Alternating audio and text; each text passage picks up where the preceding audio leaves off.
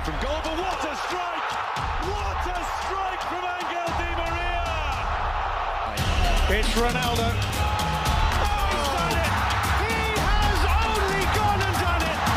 Cristiano Ronaldo! Goal! This is Goal! World. Cup Vaganza.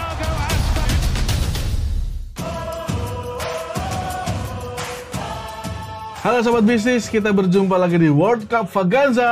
Dan edisi kali ini kita tidak hanya akan membahas soal pertandingan, tapi juga prediksi-prediksi pertandingan di grup B dan juga grup A. Tapi sebelum kita mulai prediksinya, Hmm. kita ulas sedikit eh, pertandingan perdana Qatar. Lawan Ekuador. Betul, yang sangat disayangkan untuk pertama kalinya dalam sejarah Piala Dunia, Qatar harus kalah 2-0 dari Ekuador. Padahal sebelumnya tidak ada kekalahan dari tuan rumah sepanjang sejarah Piala Dunia di laga perdana mereka.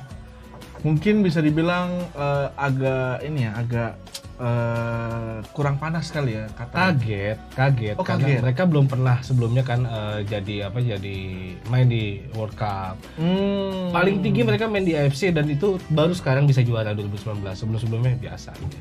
Oke ya, semoga bisa jadi pembelajaran juga buat Qatar supaya mengejar ketertinggalan. dan bisa lolos minimal jadi peringkat dua lah di grup A ini lah ya.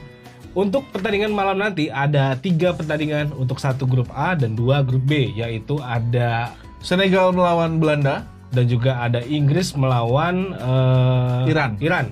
Abis itu ada Amerika versus Wales. Betul. Nah untuk tiga pertandingan ini kira-kira menurut lo gimana nang? Untuk yang pertama deh mungkin Senegal lawan eh, Belanda. Tentu saya akan mendukung Belanda. Kenapa? Karena ada beberapa bintang juga di dalamnya, di Betul. skuadnya. Terus juga ya udah pasti ya eh, tim-tim kayak Belanda, Inggris yang malam ini akan tanding itu jadi tim unggulan yang eh, bakal dijagoin di Piala Dunia tahun ini. Ya apalagi Senegal itu tampilnya juga sebenarnya sekarang lagi pincang nih karena tidak ada Sadio Mane. Tapi selain Sadio Mane sebenarnya masih ada pengganti yang lain. Ada Sar, lalu eh, beberapa pemain lain seperti eh, Mendy juga di belakang kan bisa menjadi pertahanan yang kuat bagi Senegal. Dan kalau Sar juga kalau bisa dilihat di Liga Inggris bersama Watford gak jelek-jelek amat. Dia ada udah ada udah ada 6 gol dan ngasih 3 assist. Jadi kemungkinan bisa gantiin lah Mane lah. Tapi apakah tidak adanya Mane bisa eh, meyakinkan tim Senegal untuk menang?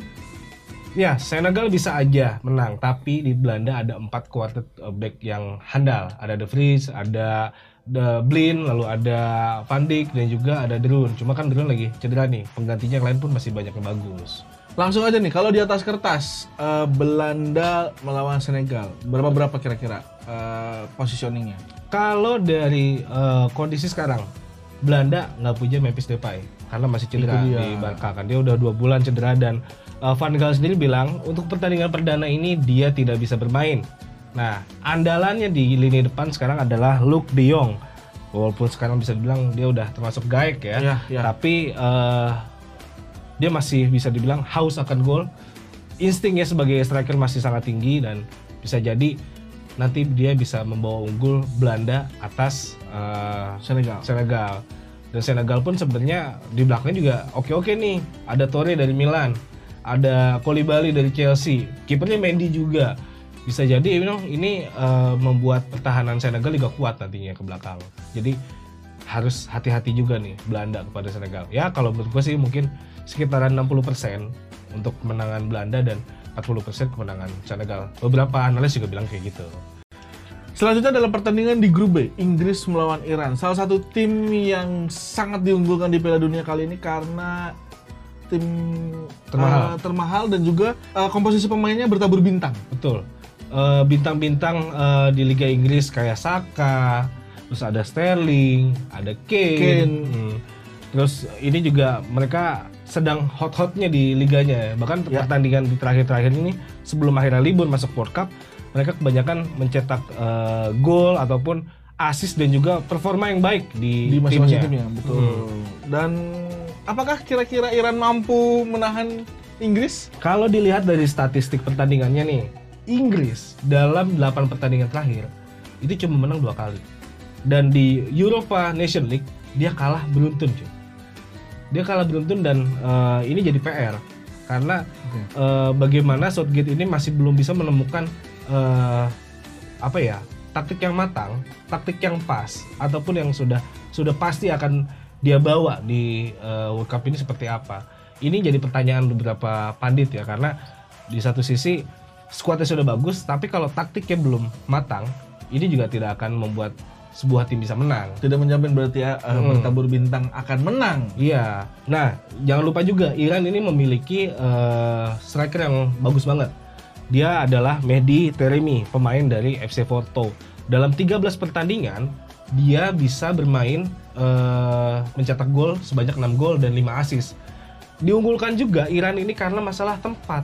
Karena di Qatar, Jazirah Arab, cuacanya kan panas. Mereka udah biasa karena 50% dari skuadnya Iran ini adalah pemain asli yang main di Liga Iran.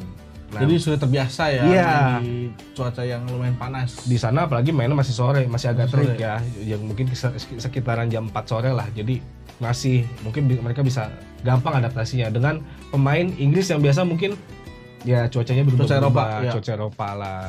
Nah, Walaupun begitu, eh, berarti Inggris masih tetap akan diunggulkan dong ya.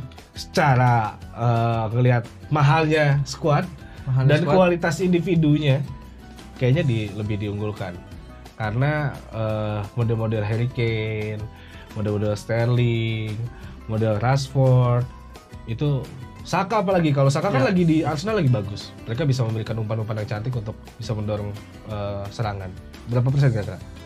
Em, kalau menurut gue sih masih di kisaran 50 eh, 60 40 ya.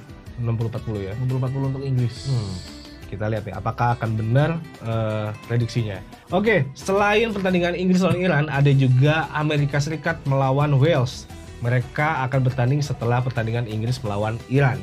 Sama-sama tim kuda hitam ya ini ya. Sama-sama tim kuda hitam. Dan dan ada yang menarik nih dari eh, Wales mungkin bisa jadi ya eh, daya gedor baru ya untuk Wales karena kehadiran Bale dari Los Angeles FC bisa membaca pola permainan Amerika Serikat. Betul, apalagi kan eh, si siapa si Los Angeles ini juara di, di sama Bill kan sama Celini. Siapa tahu dia bisa membaca kekuatan dari sana ya. Bisa jadi kehadiran Bale di Wales ini mengubah nasibnya Wales Hmm. jadi lebih baik karena sebelumnya eh, dari 9 pertandingan dia cuman dua kali menang, dua kali seri, lima kali kalah. Ya Hmm. siapa tahu dengan bertemunya sama Amerika Serikat sama-sama kuda hitam, Iya. Wales bisa mengubah nasibnya di grupnya kali ini. Nah, kalau gitu sekarang Wales harus hati-hati sama penyerangnya Chelsea, Christian Pulisic. Dia bermain di Amerika Serikat.